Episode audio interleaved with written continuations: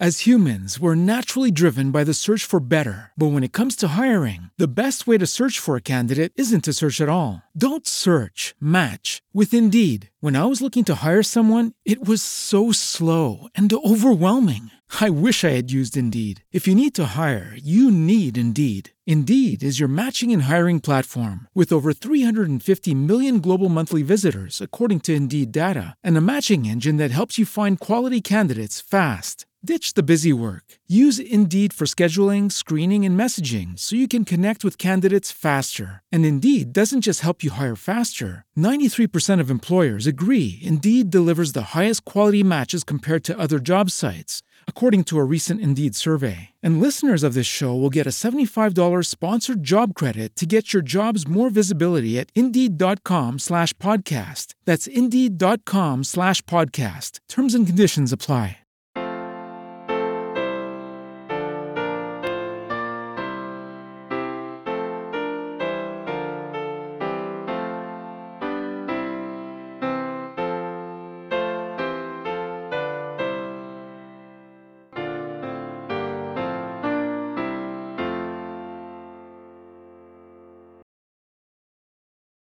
Hvad er en salme, hedder denne her podcast. Det er den første af en række podcast om vores salmer og salmedigtere. Og jeg starter den så med at spørge om, hvad er en salme? Og mange vil jo nok tænke, det ved vi da godt. Vi har jo salmebogen, som vi bruger i kirken, og det er jo dem, vi synger der. Men er det så enkelt?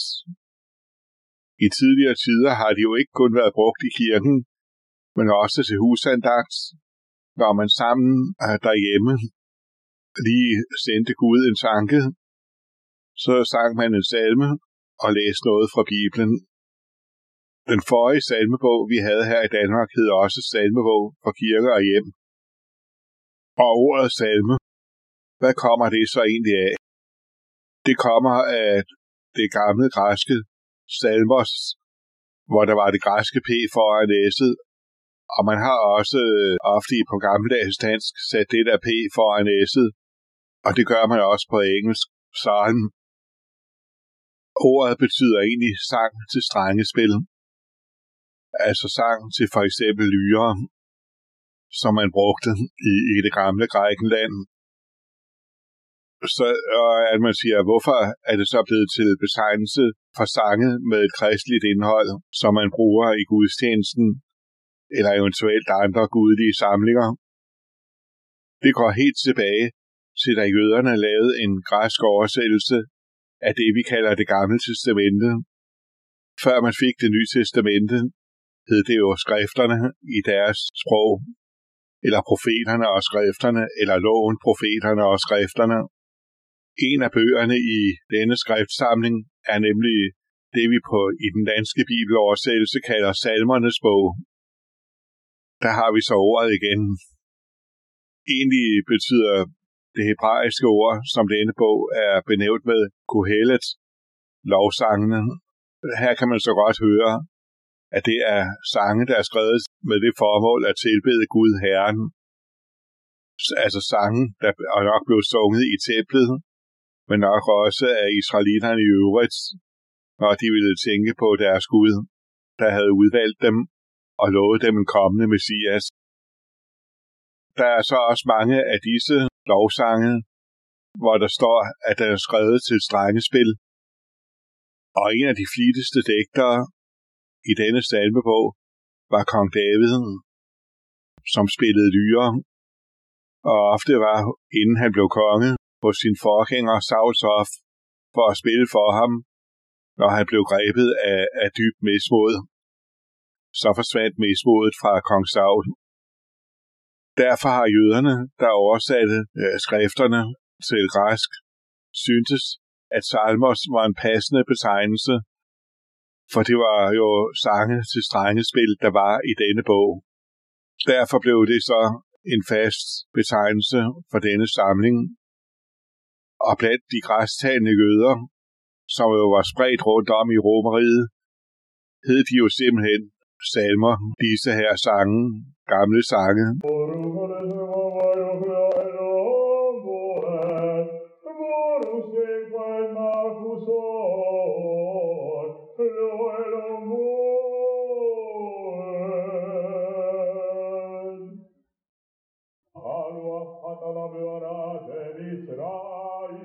Da jøderne var spredt rundt i Romeriet, ud over den daværende kendte verden, der oprettede de jo synagoger, fordi de jo ikke altid kunne komme til templet i Jerusalem og dyrke Gud der.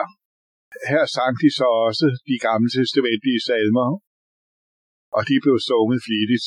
Og på et tidspunkt i, i starten af det første århundrede fremstod der så Jesus af Nazareth, som var den lovede Messias. Han blev prædiket efter han var død og opstanden, og de kristne tolkede nu salmerne som profetier om ham, og fortsatte helt givet med at synge dem. Mange af de første kristne var jøder, og kendte disse sange fra synagogen, og, og kunne nu synge dem, og lade et nyt indhold i den. Det øh, kom så ud over hele verden, og vi skal nu lige høre Øh, et sted her, hvor Paulus taler noget om menighedens sang fra Kolossenserbrevet 3:16. Lad Kristi ord bo i rigt mål hos ham. Undervis og forman med al visdom hinanden med salmer, hymner og åndelige sange. Søg med tak i jeres hjerte til Gud. Her har vi så et ord fra Paulus, som han skriver til menigheden i den græske by Kolosse, hvor han formaner den til, at de skal lade Kristi ord bo i rigt mål hos ham. Hvis nogen har en bibel og gerne have sidetallet, så er det side 1080 i den autoriserede bibeloversættelse.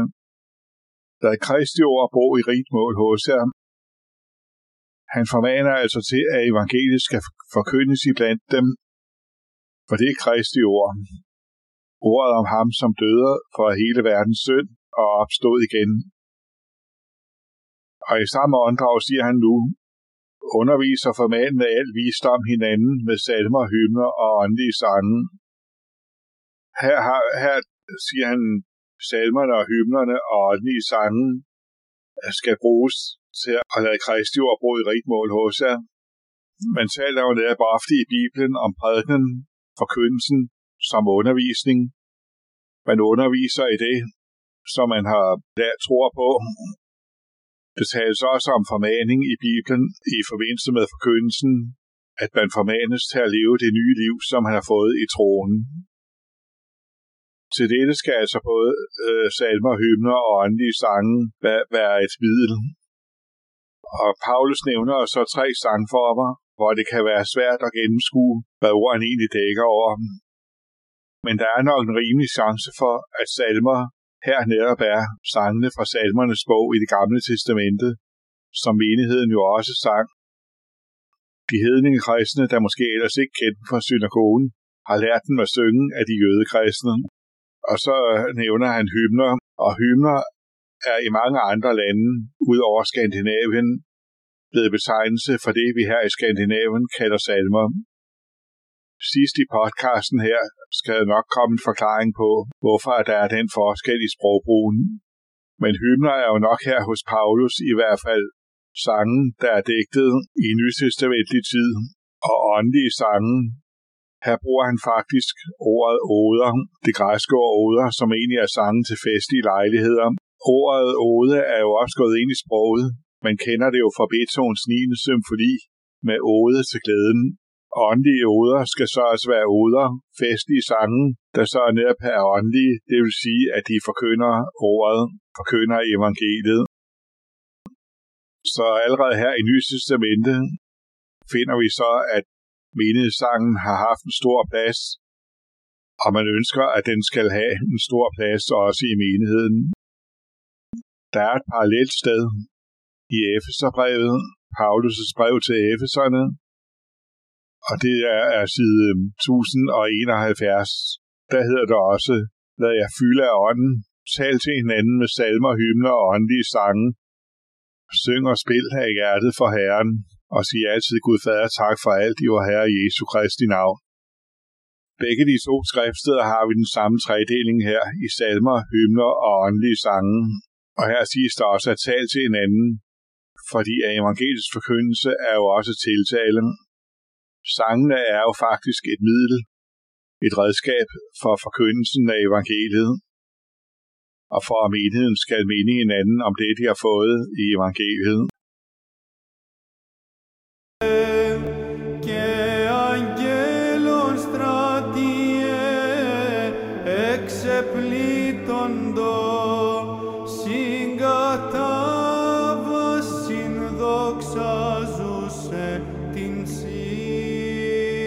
Op gennem de første århundreder samledes de kristne til gudstjeneste, til møder, hvor de hørte ordet forkyndt og sang sammen. Her kaldte man så også øh, de gamle testamentlige sange og salmernes bog fra salmer, og brugte ellers næsten udelukkende ordet hymne, om alle andre sange, der var blevet digtet.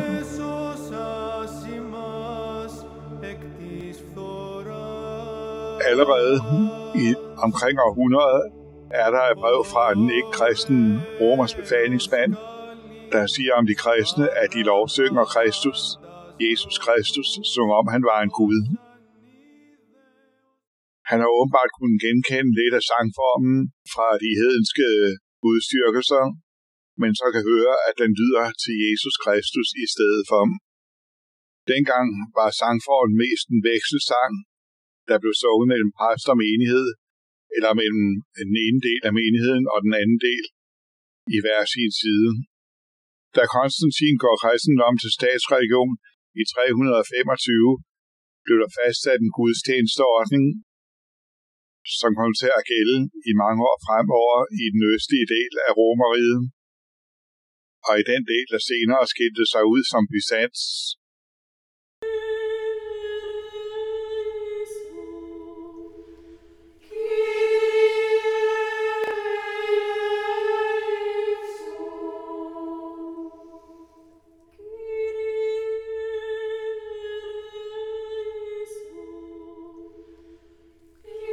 I den vestlige del af Romeriet har vi kirkefaderen Augustin. I den del talte man latin, og det blev så også det dominerende sprog i kirken der, og efterhånden kom man til at mærke en stor kulturel forskel på Øst- og Vestkirken. Kirkefaderen Augustin, som kom til at sætte sit præg på meget af det, der skete i middelalderen, og den teologiske udvikling der, taler også om sang, og han har skyldfølelse over, at han er mere glad for en køn melodi, end han er for evangeliets forkyndelse. Paradoxalt nok, for den mand, der ellers havde ført ham til tro på kristendommen, var biskoppen Ambrosius fra byen Milano i Norditalien, som skrev en masse hymner, som man kaldte det dengang. Det begynder at nærme sig det, som vi i dag forstår ved en salme, at de nemlig har en fast metrisk form. De har så ikke rim, for de romerske digtere, der skrev på vers, altså i fast metriske former, havde ikke rim i deres digte, og det har Ambrosius så heller ikke. Men den fast metriske form og en dertil fastlåst melodi er alligevel det første trin på vejen til det, vi i dag forstår ved en salme. Men dengang hed det jo så hymner, for de latinstalende i vest overtog helt og holdent det græske ord hymnos. Man ved så ikke rigtigt, hvad der helt har rørt sig ud over Ambrosius her i den vestlige del af Romeriet.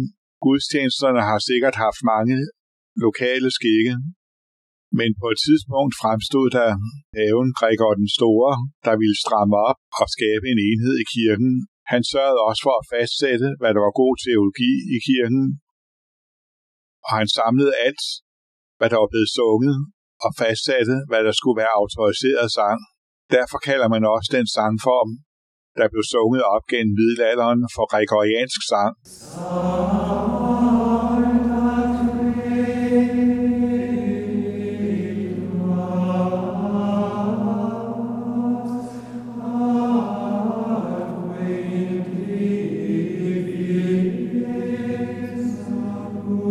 Op gennem middelalderen blev det så virkelig fastsat meget stramt, hvordan gudstjenesten skulle være.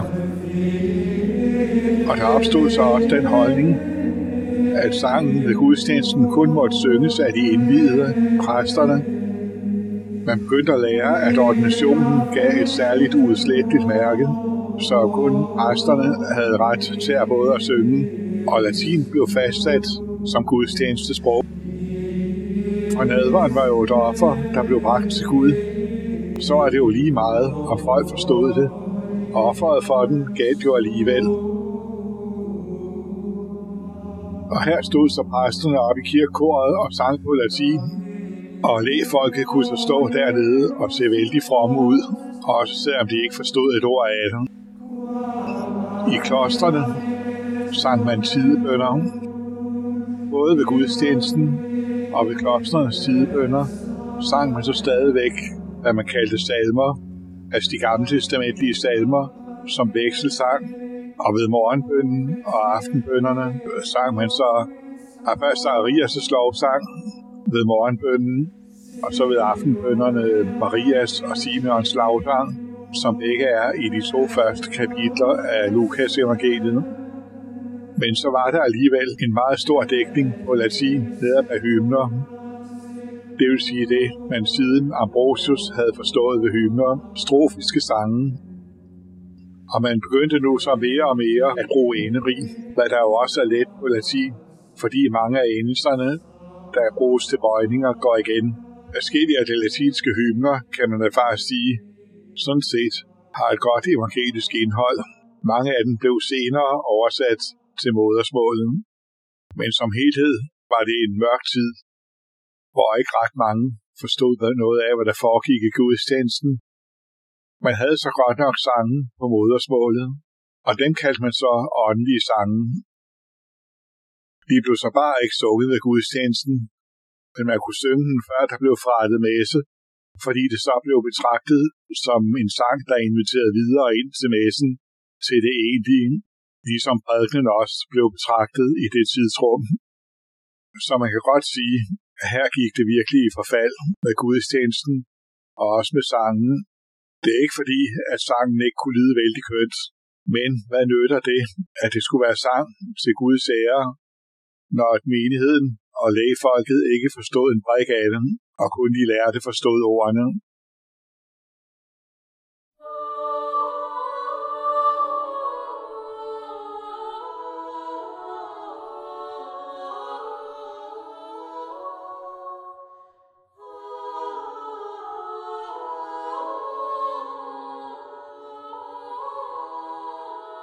Man begyndte så også at eksperimentere med flere stemmig sang, og her var det især omkring Notre Dame.